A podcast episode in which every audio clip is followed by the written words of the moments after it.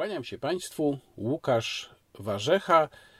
Zapowiadam od razu, że po pierwsze wraca w tym programie poprzedni dzwonek, bo tak Państwo pisali, że tamten za cienki, zbyt irytujący, e, za ładny dźwięk. Przypominam tamten dzwoneczek w poprzednim wideoblogu, kupiony w Zakopanem, ale wracamy w takim razie do tradycyjnego dzwonka, który się przyjął i do którego się Państwo już przyzwyczaili. Po drugie, bardzo dziękuję tradycyjnie wszystkim subskrybującym i do subskrypcji namawiam.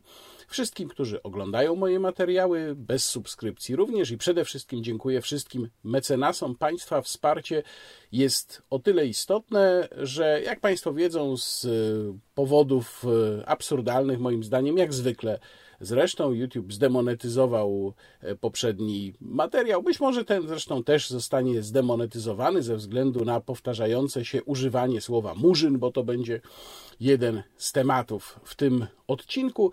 I również od razu zapowiadam i uprzedzam lojalnie, że więcej będzie tematów, powiedziałbym, społecznych dzisiaj niż ściśle politycznych. A jednak warto zacząć od sprawy najaktualniejszej, czyli tej, która pojawiła się wieczorem e, dnia poprzedniego, bo tu muszę przyznać, że nagrywam dla Państwa ten wideoblog e, w nocy z poniedziałku na wtorek. Otóż sprawa, która pojawiła się w poniedziałek wieczorem, a mianowicie e, decyzja pana ministra Niedzielskiego o tym, żeby NFZ zaapelował z kolei do wszystkich jednostek opieki zdrowotnej o wstrzymanie planowych zabiegów i badań diagnostycznych.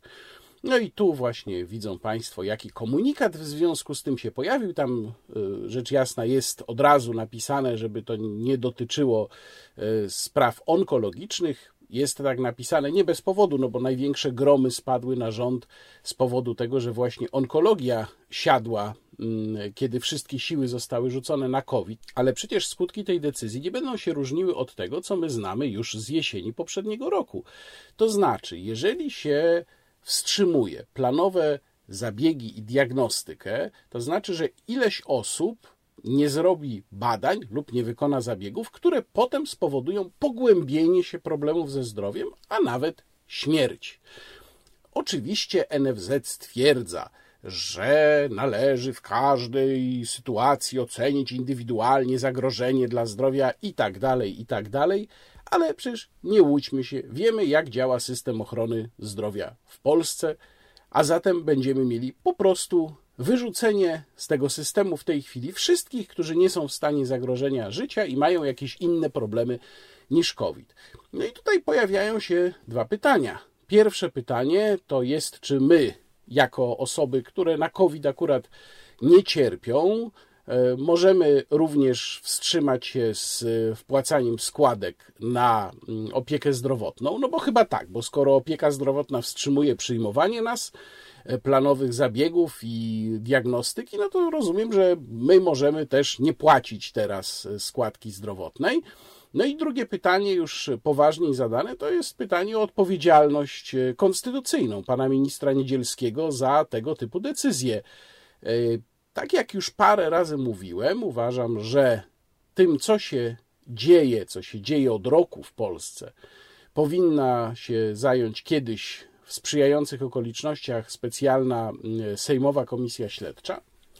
E, natomiast e, tego typu decyzje, jak ta ministra Niedzielskiego, no, wydaje mi się, że kwalifikują go do postawienia przed Trybunałem Stanu. E, szczególnie, że polska konstytucja mówi przecież o gwarancjach opieki zdrowotnej. No, w tym momencie, przypominam, bez wprowadzenia któregokolwiek ze stanów nadzwyczajnych. My jesteśmy w części tej opieki zupełnie planowo i oficjalnie pozbawiani. No ale skoro mowa tutaj o składkach na opiekę zdrowotną, to chciałbym jeszcze przypomnieć, że szykuje nam się nowy ład. Cały czas się szykuje, no bo on oczywiście nie wszedł, jest wstrzymywany i to jest zresztą problem dla Mateusza Morawieckiego osobiście. Jego ogłoszenie jest wstrzymywane ze względu na mm, epidemię. No i tam mają być jakieś druzgocące zmiany podatkowe. Pojawiły się informacje o 30 tysiącach kwoty wolnej. No więc ja chciałbym Państwu powiedzieć, że być może te 30 tysięcy kwoty wolnej wiedzie. Ale proszę zwrócić uwagę, czym to będzie skompensowane. No bo nie łudźmy się, socjalistyczny rząd nie odda nam naszych pieniędzy. Jeżeli gdzieś nam odda jedną ręką, to natychmiast drugą ręką nam zabierze. O pieniądzach zresztą zabieranych w postaci innych opłat jeszcze w tym wideoblogu będzie. Zatem y, trzymajmy się, jak to kiedyś powiedział klasyk, za nasze portfele, bo naprawdę solidna załoga się za nie zabiera. Ostrzegam Państwa, pilnujcie swoich portfeli. Dzisiaj naprawdę poważna załoga. Zaczyna się zabierać za wasze portfele i za wasze złotówki. Zresztą o czym ja w ogóle Państwu mówię? Solidna załoga to się do naszych portfeli dobiera od 2015 roku. Nie żeby wcześniej one były w znakomitym stanie, ale od 2015 roku to naprawdę już głęboko nam tę rękę wsadzają do portfeli. Tym razem dużo o epidemii, lockdownie mówił nie będę, ale chcę Państwu powiedzieć o dwóch ciekawych kwestiach, które, na które trafiłem, pisząc większy tekst, pogłębiony tekst na temat działań służb w czasie epidemii, o tym tekście i o tym, gdzie on się ukaże, gdzie będzie można tę analizę znaleźć. Powiem Państwu, kiedy ona już będzie dostępna, zatem cierpliwości. Natomiast y, trafiłem na decyzję Sanepidu, czyli Państwowej Inspekcji Sanitarnej z samego początku lutego i to jest decyzja dotycząca jednego z warszawskich e, klubów czy punktów gastronomicznych. Nie będę go tutaj identyfikował. W każdym razie w tej decyzji znalazło się typowe i sztampowo powielane przez Sanepid uzasadnienie dla wymierzenia e, kary. I czytamy tak w tym e, uzasadnieniu. Stwierdzone naruszenie wymagań higienicznych i zdrowotnych spowodowało bezpośrednie zagrożenie dla zdrowia i życia ludzi, polegające na braku zakrywania ust i nosa w czasie spożywania posiłków i napojów, powodujące rozprzestrzenianie się wirusa i jego kumulację w pomieszczeniu. Czyli Sanepid stwierdza, że był w czasie tej kontroli, stwierdził, że ludzie jedzą i piją bez masek, no bo przecież powinni jeść i pić w maskach, prawda? I stwierdził, że w związku z tym wirus się rozprzestrzeniał i kumulował w pomieszczeniu. Ja jestem bardzo ciekaw, jak w tej sprawie oraz w podobnych sprawach, kiedy one trafią przed sąd administracyjny, a z całą pewnością trafią, Sanepid będzie uprawdopodobniał to, że tam wirus się rozprzestrzeniał i kumulował w pomieszczeniu. No bo Sanepid musiałby wykazać, że w momencie tej kontroli w pomieszczeniu była przynajmniej jedna osoba zakażona koronawirusem, żeby on mógł się rozprzestrzeniać z powodu braku e, masek na e, twarzach e, i żeby mógł się kumulować. Jak zamierza to Państwowa Inspekcja Sanitarna zrobić? Nie wiem. Przypuszczam, że to będą bardzo ciekawe procesy, w których takie właśnie pytanie do przedstawicieli Sanepidu może paść. Natomiast wydaje mi się, że to jest piękna furtka dla przedsiębiorców, żeby mogli te procesy y, wygrywać. Tutaj przy okazji polecam Państwu swoją rozmowę w cyklu Polska na serio biznes i wklejam oczywiście link mm, w opisie filmu z panem Jackiem Czauderną, y, prezesem y, Izby Gospodarczej Gastronomii Polskiej o sytuacji gastronomii właśnie. Przypomnę, to już są grubo ponad 4 miesiące zamknięcia gastronomii i nie zanosi się na to, żeby miała być otwarta. A zatem, y, jeżeli tego typu decyzje oparte na takim właśnie y, domniemaniu będą się pojawiać, no to oczywiście przedsiębiorcy przed sądami powinni właśnie używać tej argumentacji. Co ciekawe, ta sama argumentacja o sprowadzeniu bezpośredniego E, zagrożenia dla zdrowia i życia wielu osób, to jest przestępstwo z artykułu 165 kodeksu karnego, pojawia się tam, gdzie mamy do czynienia z, ze sprawami karnymi, no bo kary od sanepidu to jest jedna rzecz, ale jeszcze właśnie służby zabrały się za przedsiębiorców od strony kodeksu karnego, od strony artykułu 165. I tam dokładnie pojawia się to samo. No, y, zagrożenie, żeby uzasadniało oskarżenie, ale także nawet interwencję, musi być bezpośrednie. No i oczywiście dla wielu osób. Kwestia tego, jak definiujemy wiele osób, była przedmiotem sporów w doktrynie.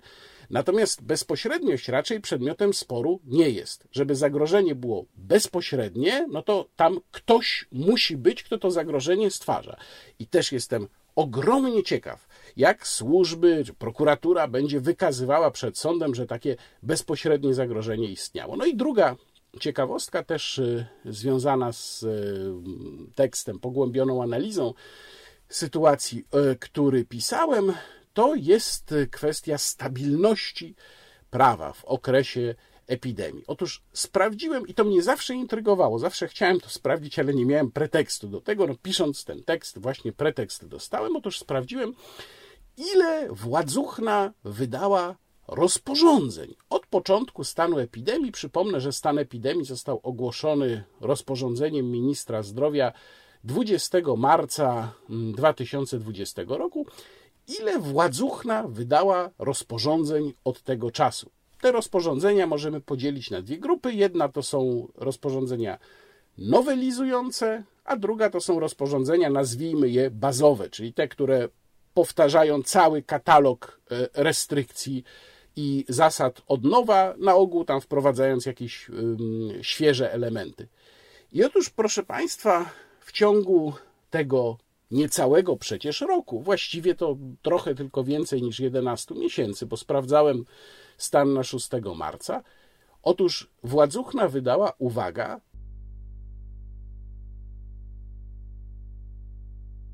pięćdziesiąt pięć rozporządzeń, z czego 13 rozporządzeń to są właśnie rozporządzenia bazowe, a reszta to są rozporządzenia zmieniające te poprzednio wydane rozporządzenia, czyli wychodzi nawet więcej niż jedno rozporządzenie na tydzień.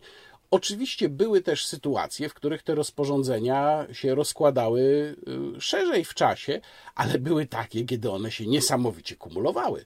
O tu na przykład mają Państwo taką grupę rozporządzeń. 10 kwietnia, 15 kwietnia, 16 kwietnia, 19 kwietnia. A zatem kilka dni po sobie wychodzą kolejne rozporządzenia. Przypominam, większość z nich zresztą ukazywała się mm, w dzienniku ustaw w zasadzie na kilka godzin przed momentem, kiedy one zaczynały obowiązywać. Jeżeli władza w ciągu niecałego roku wydaje 55 rozporządzeń, tego nie da się usprawiedliwić, jak niektórzy próbowali, kiedy napisałem to na Twitterze, próbowali mówiąc, że ale proszę pana, przecież sytuacja się zmieniała. No owszem, zmieniała się, no ale przecież nie w takim tempie.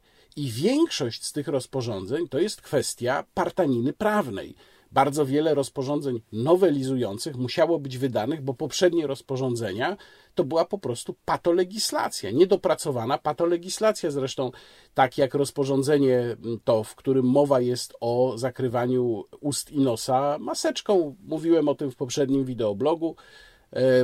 Maseczka niezdefiniowana, można w zasadzie podciągnąć pod to pojęcie większość konstrukcji zakrywających usta i nos, posługując się słownikową definicją maseczki, i to jedną z nich, ponieważ, jak wiadomo, w słowniku tych definicji maseczki mamy kilka stojących obok siebie.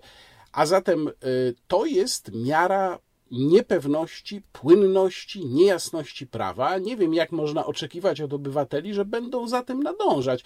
E, to, nawiasem mówiąc, e, powinien być jeden z motywów e, sądów przy wydawaniu orzeczeń. Oczywiście mamy zasadę ignorancja juris nocet, czyli nieznajomość prawa szkodzi, ale z drugiej strony nie sposób wymagać od obywateli, żeby siedzieli z nosami w dzienniku ustaw i śledzili każde kolejne rozporządzenie, które władzuchnie przyjdzie do głowy wydać. Patolegislacja.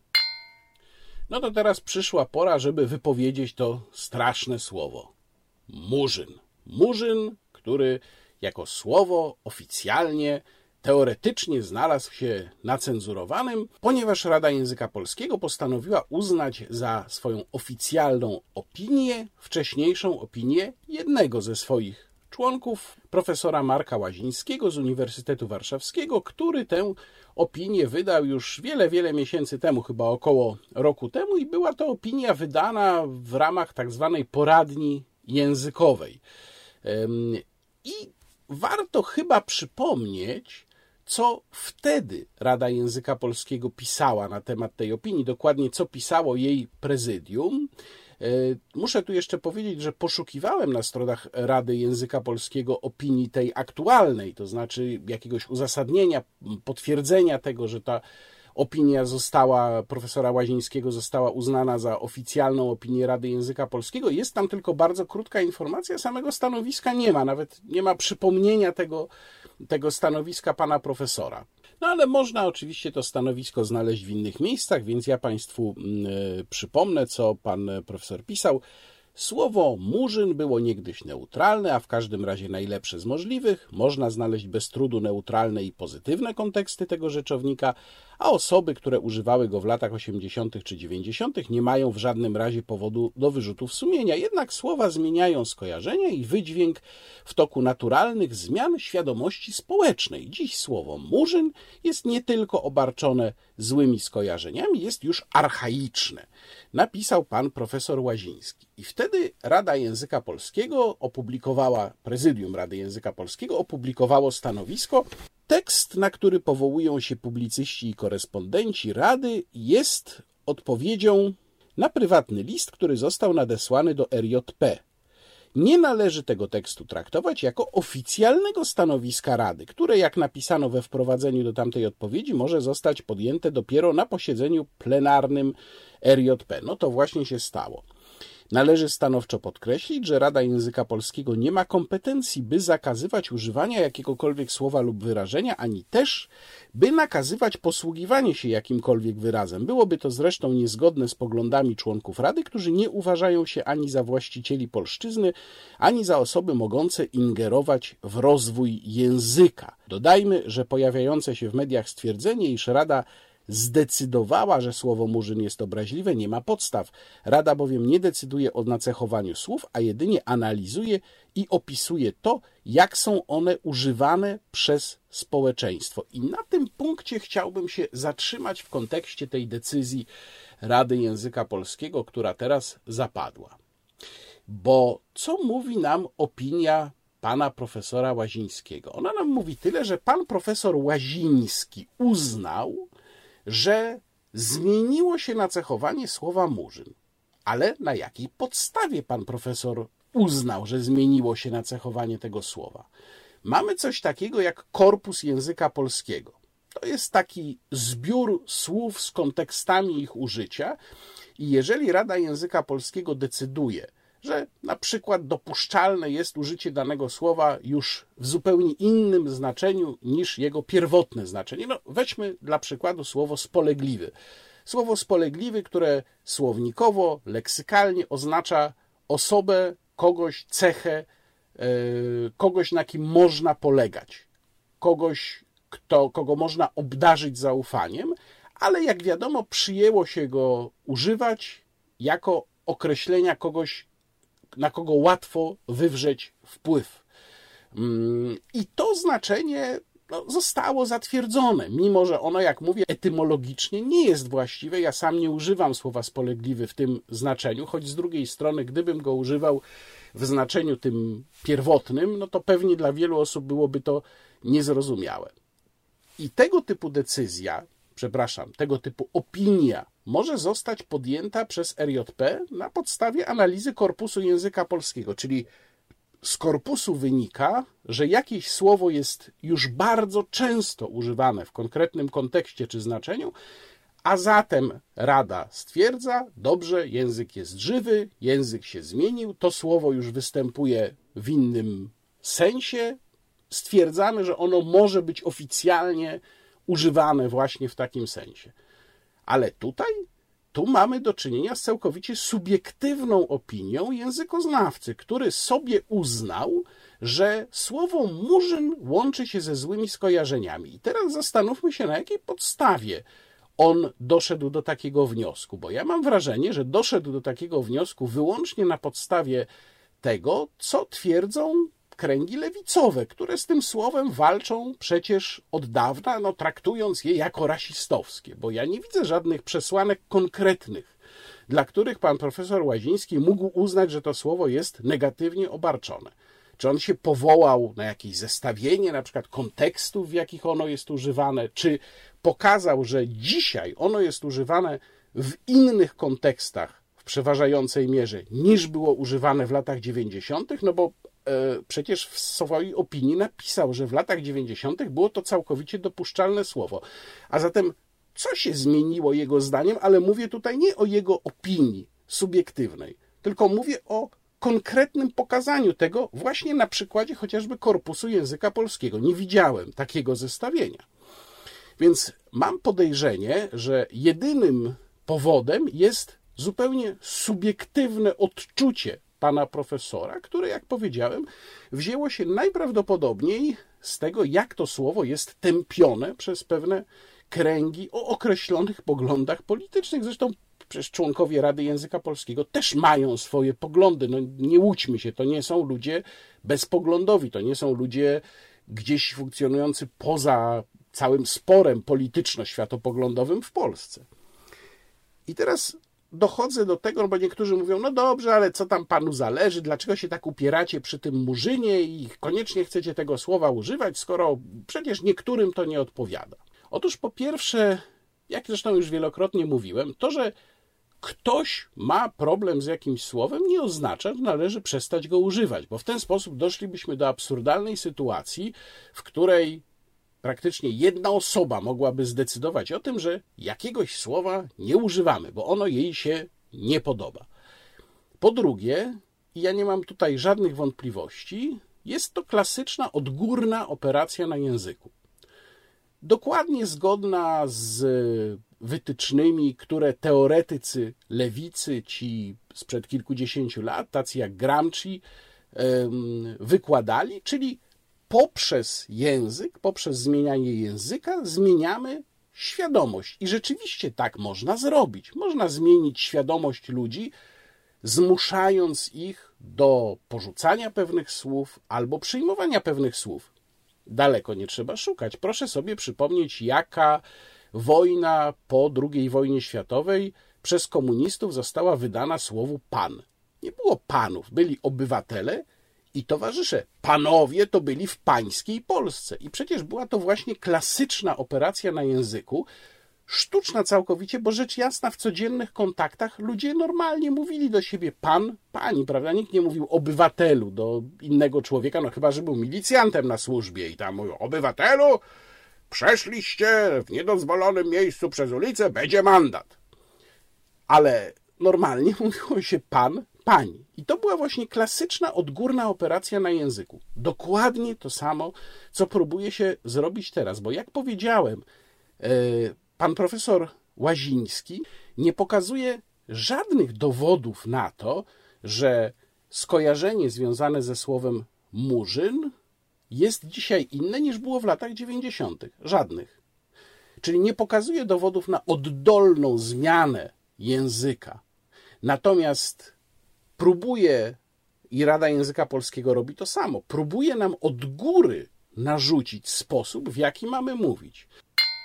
I oczywiście znów wracam do tej argumentacji, że niektórzy mówią, a no to jedno słowo tam, co się tam przy tym murzynie upierać. No niestety jest coś takiego jak, po angielsku to się nazywa w socjologii slippery slope, po polsku można powiedzieć prawo równi pochyłej, czyli od rzemyczka do koniczka, używając starego polskiego powiedzenia. Jeżeli się zgodzimy na jedno, to za tym pójdą kolejne rzeczy. Dlatego, tak jak już mówiłem wielokrotnie, e, ja tej rekomendacji Rady Języka Polskiego nie przyjmuję, bo po prostu uważam ją za bezzasadną, czy może raczej za uzasadnioną względami wyłącznie ideologicznymi. Używałem słowa murzyn, będę używał słowa murzyn. Tu, nawiasem mówiąc, pokazuję Państwu tabliczkę przy bardzo zresztą pięknej, ciekawej y, rzeźbie, która jest eksponowana w Muzeum Narodowym, które ostatnio znowu odwiedziłem. Przypominam, muzea wciąż otwarte, więc proszę koniecznie odwiedzać. Y, rzeźba nazywa się po polsku Murzynka. Mm, no, ciekaw jestem, jak długo ta nazwa na tabliczce w Muzeum Narodowym przetrwa. Oczywiście ja bym sobie życzył, żeby normalnie przetrwała, żeby się tymi mm, bzdurami y, Rady Języka Polskiego nie przejmować, ale jak będzie, zobaczymy. Teraz muszę Państwu poopowiadać o sprawie, która pozornie wydaje się czysto plotkarską i lifestyle'ową i mówię tu rzecz jasna o wywiadzie księcia Harego, czy właściwie byłego księcia Harego i jego żony Meghan Markle dla Opry Winfrey, wywiadzie, który wywołał niezwykłe poruszenie, również zresztą w Polsce wywołał poruszenie, ale na początek chcę uzasadnić, dlaczego ja w ogóle będę o tym mówił. Bo oczywiście niektórzy twierdzą, a co tam temat zastępczy, plotkarski w ogóle, po, po, co się tym zajmować? No, ja jednak wielokrotnie starałem się w swoich tekstach pokazywać Państwu, że takie pozornie drobne, przyczynkarskie kwestie tak naprawdę są częścią jakiejś większej całości, że można je odnieść do większych procesów. I tutaj jest dokładnie to samo. Są przynajmniej dwa powody, dla których warto się nad tą sytuacją zastanowić. Pierwszy powód to jest y, kwestia oddziaływania mediów i tego, jak się manipuluje odbiorcami. Drugi powód to jest atak na pewne tradycyjne instytucje, w tym wypadku instytucje monarchii. I teraz zacznę od tej drugiej kwestii. Oczywiście można powiedzieć, instytucja monarchii się zdegenerowała, zwłaszcza monarchii brytyjskiej. To już oczywiście nie jest ta sama monarchia, która była chociażby jeszcze w okresie II wojny światowej. Członkowie rodziny królewskiej są zdegenerowani. No mamy tutaj przykłady. Książę Andrzej, teraz Harry, no to jest już moja mm, opinia. Po co w ogóle tego bronić? No, tak, to jest prawda, że monarchia rzeczywiście się w jakimś stopniu zdegenerowała, zepsuła się, natomiast ona jednak wciąż jest, i to jest moim zdaniem bardzo ważne, żeby to zrozumieć, ona jest wciąż ostoją, pewnym fundamentem dla brytyjskiego państwa. Jakie by ono nie było, jest moim zdaniem bardzo już w tym momencie zepsute, oparte na pozorach, w dużej mierze. Tam jest całe mnóstwo, w brytyjskim państwie jest całe mnóstwo bzdur, które trudno nam zrozumieć, na przykład kwestia praktycznie całkowitego zakazu narzędzi, którymi można się samemu bronić. Przypominam, że w Wielkiej Brytanii można posiadać tylko tak zwany alarm osobisty legalnie, czym oczywiście bandyci się kompletnie nie przejmują. No, zostawmy to. W każdym razie cały czas jest jeszcze ten fundament, fundament historii, fundament tradycji, nawet jeżeli on jest fasadowy, już tylko w dużej mierze, to jednak jest. I w moim przekonaniu ma to swoją wartość. Zresztą pamiętajmy o tym, że my dzisiaj żyjemy w czasach, no pomijając epidemię, żyjemy w czasach e, od dziesięcioleci bardzo spokojnych. I w takich czasach to łatwo jest mówić, a tam jakaś monarchia, co to tam jakaś królowa, jakie to ma znaczenie. No ale nie mamy takiej gwarancji, że czasy zawsze takie będą. Przypomnijmy sobie, jak wyglądała sytuacja w czasie II wojny światowej. Przecież rodzina królewska miała propozycję ewakuacji z Wielkiej Brytanii. No, uznawano to za naturalne. Wojna się zaczęła, Niemcy najprawdopodobniej będą chcieli wyspę zająć. No zresztą wyspy na kanale przecież udało im się zająć. Była bitwa o Anglię, zagrożenie dla rodziny królewskiej. Niech rodzina królewska opuści Wielką Brytanię. No ale rodzina królewska, na czele z królem Jerzym VI wówczas, zdecydowała się zostać w Wielkiej Brytanii. I miało to gigantyczne znaczenie dla morale Brytyjczyków. Moim zdaniem było jednym z czynników absolutnie decydujących o tym, że nie nastąpiło załamanie, że miały rzeczywisty oddźwięk te słynne plakaty Keep Calm and Carry On, doskonale dzisiaj znane. Rodzina królewska była oparciem dla Winstona Churchilla w jego przecież bardzo początkowo niepopularnych e, planach e, zaangażowania się w II wojnę światową. A zatem w czasach kryzysowych rodzina królewska, nie tylko w Wielkiej Brytanii oczywiście, jest oparciem dla obywateli, bo jest wyjęta z bezpośredniego układu politycznego. Tam, gdzie jest prezydent, no też się od niego oczekuje, że e, będzie ponadpolitycznym reprezentantem, przedstawicielem, kotwicą, ale to się na ogół nie sprawdza. W Polsce zresztą widzimy, jak to wygląda. Z rodziną królewską, z królem czy królową jest inaczej. Mówię tutaj w zasadzie o wszystkich krajach, które są monarchiami konstytucyjnymi, a przypominam, że trochę ich w Europie dzisiaj jeszcze jest. I brytyjska rodzina królewska i brytyjska monarchia jest najbardziej tutaj znana. A więc to ma swoją wartość. No ale oczywiście instytucja monarchii, jak wiemy, jest atakowana od bardzo dawna. W Wielkiej Brytanii też jest całkiem spora grupa i polityków, i wyborców, którzy chcieliby się rodziny królewskiej pozbyć, w ogóle skończyć z monarchią, uważają, że to jest niepotrzebny wydatek. No i tutaj przychodzi im właśnie w sukurs Meghan Markle. Osoba, która, ja tu nie będę o niej dużo mówił, bo to w ogóle nie jest główny temat, no ale trochę jednak trzeba powiedzieć. Osoba, która e, była jakąś drugorzędną aktorką, wcześniej w ogóle nieznaną. Moja opinia jest taka, że bardzo sobie to wszystko w sposób przemyślany zaplanowała, e, złapała szczęście za nogi, Pana Boga za nogi, złapała księcia Harego, no i proszę zobaczyć, jaką ma sytuację zaledwie kilka lat po tym, jak za niego wyszła. E, ma sławę, została dzięki rodzinie królewskiej globalną celebrytką. Globalna celebrytka bez problemu przez długie lata będzie na tej swojej sławie zarabiać pieniądze, a na historiach z okresu, kiedy była częścią rodziny królewskiej, no to ho, ho, ho. E, być może zresztą nawet będzie jeszcze zarabiać, gdyby przyszło jej do głowy wziąć rozwód z księciem Harym, co przecież nie jest wykluczone. Natomiast pozbyła się bardzo sprytnie wszystkich obowiązków na niej ciążących. No i teraz, jeżeli my słyszymy w tej rozmowie, że biedna Megan nie wiedziała, co to będzie i taka była zszokowana, że nie ma wolności, jak została członkiem rodziny królewskiej. No to są tylko dwie możliwości. Albo mamy do czynienia z kompletną idiotką, która nie rozumiała, co to znaczy wejście do rodziny królewskiej i z czym to się wiąże. No ale to naprawdę w dzisiejszych czasach, kiedy informacje są dostępne na wyciągnięcie ręki, trzeba by być całkowitą kretynką, albo mamy do czynienia, przepraszam za słowo, ze zwykłą cwaniarą, która próbuje nas złapać na łzawą historyjkę o biednej, stłamszonej dziewczynie, o ciemnym kolorze skóry, która znalazła się w strasznej konserwatywnej rodzinie i mój Boże, ona nie wiedziała, że będzie musiała dygać przed królową i tak ją to zszokowało. No, przepraszam, naprawdę trzeba być skrajnie naiwnym, żeby sądzić, że Meghan Markle rzeczywiście nie wiedziała, z czym się wiąże wejście do rodziny królewskiej. No, skoro wiedziała, to się na to świadomie decydowała, tak przynajmniej mogłoby się wydawać. No i tutaj znów wracam do kwestii instytucji monarchii. To nie jest życie jak w Madrycie przy zerowych obowiązkach i zobowiązaniach, wręcz przeciwnie. To jest w gruncie rzeczy ciężka praca ze wszystkimi uciążliwościami, które się z nią wiążą, takimi między innymi jak skoncentrowana na członkach rodziny królewskiej uwaga mediów, w tym mediów plotkarskich, 24 godziny na 7 dni w tygodniu. No prawie, no bo oczywiście rodzina królewska ma też te swoje miejsca, gdzie może się dosyć bezpiecznie mm, schować i gdzie raczej żaden paparazzo nie trafi.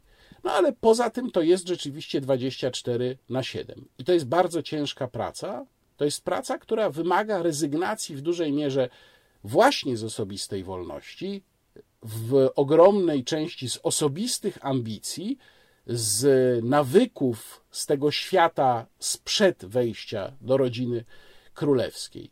Więc to jest rzecz, która wymaga, czy wejście do rodziny królewskiej, ale także przyjęcie w sposób dojrzały roli w takiej rodzinie, jeżeli się w niej już rodzimy. Nie mówię tutaj tylko o rodzinie brytyjskiej, rzecz jasna, to jest y, coś, co wymaga y, dosyć dużej dojrzałości. I oczywiście nie wszyscy tę dojrzałość mają. No, książę Harry najwyraźniej jej nie ma.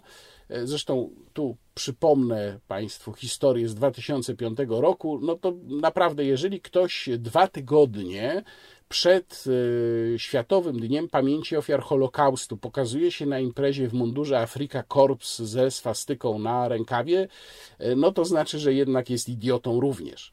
Przy czym myślę, że w tej parze Meghan Markle, książę Harry, to jednak książę Harry jest większym idiotą niż jego żona, która, tak jak powiedziałem, jest po prostu cwana. Cwana gapa. Meghan Markle serwuje nam tę historyjkę o biednej, stłamszonej kobiecie, która tam e, była w rodzinie królewskiej poniewierana. Oczywiście wie doskonale, że ta historia nie zostanie skontrowana, przynajmniej nie zostanie skontrowana w jej konkretnych elementach, dlatego że Pałac Buckingham nie podejmuje tego typu polemik. No więc ona ma tutaj przewagę, może pleść nawet największe głupoty i nikt y, ta, stamtąd nie napisze w tej i tej sprawie pani Meghan Markle mija się z prawdą. Natomiast robi coś rzeczywiście wyjątkowo obrzydliwego, bo po tym jak y, wywindowała się niesamowicie wręcz y, społecznie, na tym małżeństwie, y, zrzuciła z siebie, jak powiedziałem, jarzmo tych obowiązków, po czym poszła do mediów wywlekać brudy. No to jest takie bardzo,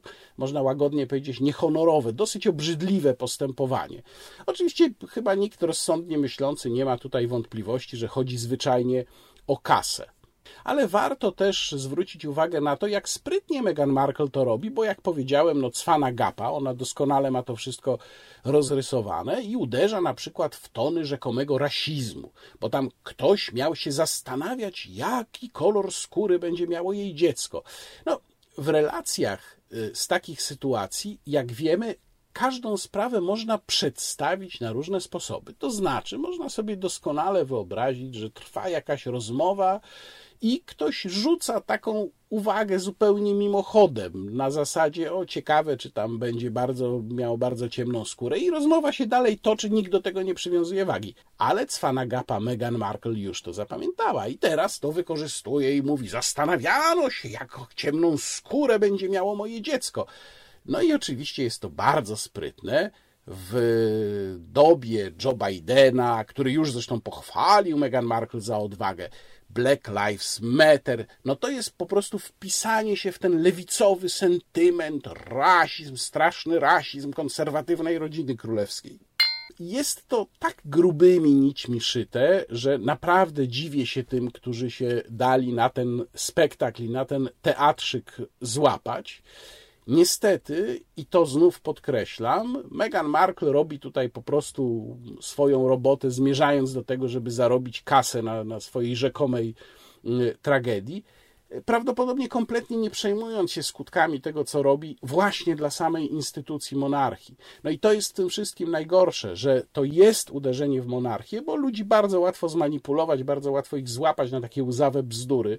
O tym wielokrotnie już w innych kontekstach mówiłem Państwu w wideoblogu, a niestety konsekwencje mogą być fatalne. No, zobaczymy, jak sobie z tym rodzina królewska poradzi. Królowa jest już bardzo starszą mm, osobą, 94 lata bodajże, e, no ale w wielu sytuacjach życiowych wykazywała się mm, bardzo mm, wyjątkowym rozsądkiem, więc miejmy nadzieję, że tym razem również tak będzie. Ja tymczasem mogę zapowiedzieć, że w najbliższym czasie pojawi się mój większy tekst na temat korzyści z monarchii konstytucyjnej, gdzie znajdą Państwo bardziej rozbudowaną argumentację i oczywiście o pojawieniu się tego tekstu dam znać. No to teraz przejdźmy do pana wicepremiera Piotra Glińskiego, który postanowił obronić przygotowywaną przez Ministerstwo Kultury i Dziedzictwa Narodowego opłatę reprograficzną. Żeby było jasne, opłata reprograficzna już istnieje, tylko ona dotyczy bardzo ograniczonych kategorii urządzeń, tam m.in. kserokopiarek, natomiast ma być wprowadzona w wysokości 6%, właściwie na wszystkie urządzenia elektroniczne. I pan premier Gliński mówi, że to sprawiedliwe wynagrodzenie dla artystów, którym my się jako konsumenci w ogóle nie musimy przejmować, a kto jest przeciwko opłacie reprograficznej, to broni złych wielkich koncernów. No i tu państwo widzą, co napisał pan premier o wypowiedzi Krzysztofa Bosaka, odwołując się do artykułu w serwisie Najważniejsze 24 E, no, tu y, trzeba przypomnieć, kto wydaje serwis Najważniejsze 24, to jest Instytut Nowych Mediów, a Instytut Nowych Mediów to jest pan Eryczek Mistewicz. A pan Eryczek Mistewicz y, w 2019 roku jego fundacja zgarnął ponad 6 milionów złotych ze współpracy z Polską Fundacją Narodową. A zatem, proszę Państwa, rączka rączkę myje powoływanie się przez pana Glińskiego na tekst w jako uzasadnienie swoich testów na tekst na portalu Najważniejsze24, no to jest mniej więcej tak, jakby się e, powoływał pan premier Gliński na na przykład wiadomości TVP jako obiektywne medium. No ale tu możemy sobie pożartować, natomiast problem jest poważniejszy, ponieważ oczywiście mówimy o kolejnym podatku, który my wszyscy zapłacimy, ale o podatku o wyjątkowo paskudnej formie. O co tutaj chodzi? Otóż po pierwsze, Opłata reprograficzna to nie jest tak, jak mówi pan premier, opłata, która będzie ściągana od producentów i tam wielkie koncerny chętnie zapłacą. Nie, nie, nie. Sama natura opłaty reprograficznej jest taka, że jest to wynagrodzenie od konsumentów, którzy na urządzeniach elektronicznych mają ewentualnie konsumować treści produkowane przez artystów. Co to oznacza? To oznacza, że producent, ale także importer ma wszelkie możliwości przerzucenia tej opłaty na konsumentów. Ona zostanie po prostu doliczona do ceny urządzenia i będzie to niemało, co najmniej kilkaset złotych. No, a w przypadku oczywiście droższych urządzeń więcej, bo opłata będzie procentowa, nie kwotowa. I dokładnie tak się stało w Niemczech. To znaczy, po przyjęciu tam takiej regulacji, ceny urządzeń elektronicznych wzrosły dokładnie o tyle, ile wynosiła ta opłata. Więc to jest pierwsza bzdura, którą pan mm, premier Gliński próbuje nam wciskać. E, druga bzdura jest taka, że tu nikt nie straci, a tylko ewentualnie koncerny na zyskach. No nie. E, stracą polscy importerzy i stracą polskie sieci handlujące elektroniką. Poza tym oczywiście, że stracą polscy konsumenci. No bo co to będzie oznaczało? Polscy importerzy pracują naprawdę na minimalnych marżach, a dowodem na to jest fakt, że na tle Unii Europejskiej w Polsce elektronika jest relatywnie naprawdę bardzo tania. To oznacza, że marże importerów są minimalne. No ale jeśli jeszcze do tego trzeba będzie doliczyć tę opłatę i jeżeli ona miałaby zostać na przykład przejęta przez importerów, ale też przez producentów, którzy zarabiają na tej elektronice naprawdę bardzo mało. Tutaj się liczy wolumen produkcji, wolumen importu przede wszystkim, a nie cena jednostkowa. No to oczywiście konsumenci dostaną ceny dużo wyższe. I co się wtedy stanie? No prawdopodobnie duża część z nich przestanie tę elektronikę kupować w Polsce, e, czyli zarobią te portale, gdzie można będzie sobie taką elektronikę sprowadzić z innych miejsc y, na świecie. Straci oczywiście polski biznes, jak zwykle, bo większość regulacji, które PiS wprowadza, właśnie do tego mm, y, prowadzi. Ale tutaj są dalsze patologie, bo przecież my mówimy o zwiększeniu wpływów z opłaty reprograficznej o miliardy. I kto by tym zarządzał? Ano ZAIX. A czy Państwo wiedzą, co to jest ZAIX?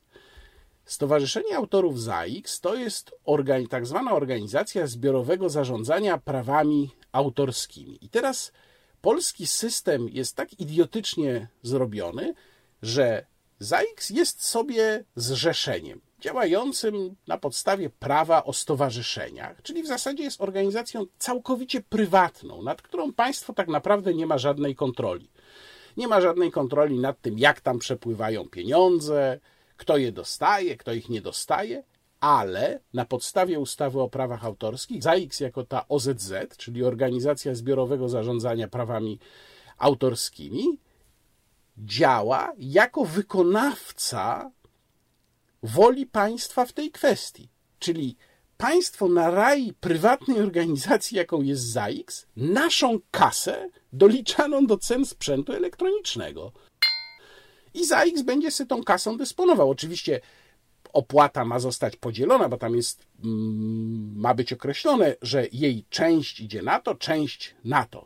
To prawda, tylko że kontroli nad tym, co się w samym ZAX-ie będzie działo z tymi pieniędzmi, to już nikt nie będzie miał. No i jeszcze jeden szczegół, czyli e, wbrew temu znów, co twierdzi ministerstwo, E, taką opłatę ma jedynie 20% krajów na świecie. W Unii Europejskiej nie ma jej aż w siedmiu krajach. Natomiast y, ja znam taką relację ze spotkania, no jeszcze sprzed tam, dobrych paru miesięcy, przedstawicieli polskiego biznesu z jednym z wiceministrów kultury i dziedzictwa narodowego, kiedy to przedstawiciele biznesu tłumaczyli temu wiceministrowi, jakie będą konsekwencje gospodarcze dla polskiego, podkreślam, polskiego biznesu przyjęcia tej regulacji. I pan wiceminister wysłuchał z dużym zainteresowaniem, po czym powiedział: Ale nas to gospodarka nie interesuje, my od tego nie jesteśmy, my jesteśmy od kultury. No i jeszcze jedna sprawa, bo to już naprawdę zakrawa na perwersję, to znaczy pan wicepremier Gliński, który występuje tak płomiennie w obronie tej opłaty reprograficznej, ona przecież pójdzie na różnych hołdysów. Ona pójdzie na ludzi, którzy następnie pana wicepremiera Glińskiego bardzo chętnie w mediach społecznościowych lub e, antyrządowych oplują e, i to wszystko z naszych pieniędzy. I ostatni dzisiaj temat. Nie wiem, czy tu rząd się wycofa. Obawiam się, że nie. Znów niestety mówię o kolejnym świetnym, niskim podatku, mianowicie o tak zwanej kaucji za opakowania plastikowe. Napisałem o tym większy tekst, który mm, dzisiaj, czyli we wtorek, powinien pojawić się na blogu Warsaw Enterprise Institute. Oczywiście, jak tylko się pojawi, to dołączę e, link do tego tekstu w opisie e, filmu. Zacząłem wczytywać się w to, co wiemy o tym, jak ten system by wyglądał. No i niestety jest to horror. Mm, po pierwsze, system ma dotyczyć w zasadzie wszystkich plastikowych opakowań, więc to nie będzie system obejmujący wyłącznie napoje, jak można by pomyśleć. On może również objąć buteleczki od kefiru, pudełka od masła, różne takie rzeczy. A mowa jest o tym, że najniższą możliwą kaucją za jedno opakowanie byłby 1 zł. Czyli mówimy tutaj o tym, że kiedy przychodzi klient na takie typowe, no trochę większe zakupy do marketu, to miałby prawdopodobnie do wydania od kilkunastu do kilkudziesięciu złotych więcej. No nie muszę chyba mówić, że dla niektórych byłoby to gigantyczne obciążenie. Kwestia zwrotu, to znaczy jakbyśmy mogli dostać zwrot tych pieniędzy? Otóż nie moglibyśmy, bo najprawdopodobniej nie będzie to zwrot w gotówce, tylko będzie to zwrot w postaci jakiegoś bonu, który sobie będzie można wykorzystać w sklepie. I tu znów pojawiają się pytania po pierwsze, kto będzie obsługiwał system tych bonów? No bo przecież to jest bardzo skomplikowana sprawa. To jest tak, jakbyśmy wprowadzali do obrotu dodatkową walutę. Na pewno będzie jakaś firma, która zaoferuje polskiemu rządowi, że się tym zajmie, za oczywiście odpowiednie pieniądze. Inna sprawa, o której ekologiści w ogóle nie wspominają, to koszt samego systemu przyjmowania i przechowywania opakowań plastikowych przez sklepy. No bo oczywiście ten system miałby sens tylko wtedy, gdyby prawie każdy sklep miał taki punkt oddawania opakowań plastikowych. No ale to przecież kosztuje. To nie jest tak, że to jest sprawa bezkosztowa. No gdzieś musi być przestrzeń na to, ktoś musi się tym zajmować, ktoś musi dbać o to, żeby to było regularnie wywożone. Kolejne pytanie: po co w ogóle nam taki system, jeżeli mamy selektywną zbiórkę odpadów? To znaczy, że co? Selektywna zbiórka odpadów w tym aspekcie się nie sprawdza? Ja kompletnie tego nie rozumiem. Mamy w dodatku niezwykle drogą selektywną zbiórkę odpadów, a tu chce nam się narzucić kolejne jeszcze obciążenie. No i wreszcie jeszcze jedna sprawa. Gdyby ten system polegał na zwrocie gotówki, to przynajmniej moglibyśmy liczyć na to, że tam, gdzie ludzie nie odwiozą tych opakowań plastikowych do punktu skupu, to zajmą się tym, tak jak mróweczki w e, środowisku naturalnym, panowie żyjący w sposób swobodny, no, panowie kloszardzi, którzy sobie pozbierają te opakowania, będą z tego mieli parę złotych i te parę złotych wydadzą na piwko pod gołym niebem. Ale nie, no bo jeżeli będziemy mieli system bonów, a nie gotówki, to oczywiście dla kloszardów nie jest to w żaden sposób atrakcyjne. No chyba, że z tym bonem pójdą kupić piwo, ale to wydaje mi się już mało prawdopodobne. No i wreszcie mm, jest podstawowa wątpliwość, czyli jak to w ogóle państwo polskie będzie w stanie zorganizować, bo państwo polskie nie jest w stanie zorganizować znacznie prostszych rzeczy, a tu się kroi operacja właściwie na cały kraj. No jeżeli jest mowa o tym, że każdy prawie sklep miałby mieć taki punkt przyjmowania e, odpadów plastikowych czy opakowań plastikowych, no to by mówimy tutaj o dziesiątkach tysięcy takich punktów. E, I oczywiście ktoś będzie musiał być operatorem tego i ktoś na tym zarobi. Na pewno nie my. No i ostatnia sprawa z tym związana, o której napisałem w tekście na blogu Warsaw Enterprise Institute, to jest kompletne pomylenie pojęcia zachęty z karą, kija z marchewką, bo mówi się tak, no ale przecież to jest zachęta, żeby oddawać opakowania plastikowe. Nie, to nie jest zachęta. Zachęta pojawia się wtedy, jeżeli za ponadstandardowe zachowanie mamy wartość dodaną. Tutaj nie mamy żadnej wartości dodanej. To nie jest premiowanie osób, które zechcą odwieźć opakowania plastikowe do punktu. My jesteśmy najpierw ukarani dołożeniem dodatkowej opłaty i tylko ewentualnie możemy przynajmniej zminimalizować tę stratę, odwożąc plastikowe opakowania do punktu. Zminimalizować, a nie zniwelować, bo przecież będzie to kosztowało nas czas i wysiłek. To są też wymierne w gruncie rzeczy wartości. No czyli krótko mówiąc, socjaliści szykują nam kolejną bzdurę, która wyjdzie tak jak zwykle i za którą wszyscy zapłacimy. I tym razem tą smutną konkluzją Państwa żegnam. Do następnego razu. Łukasz Warzecha.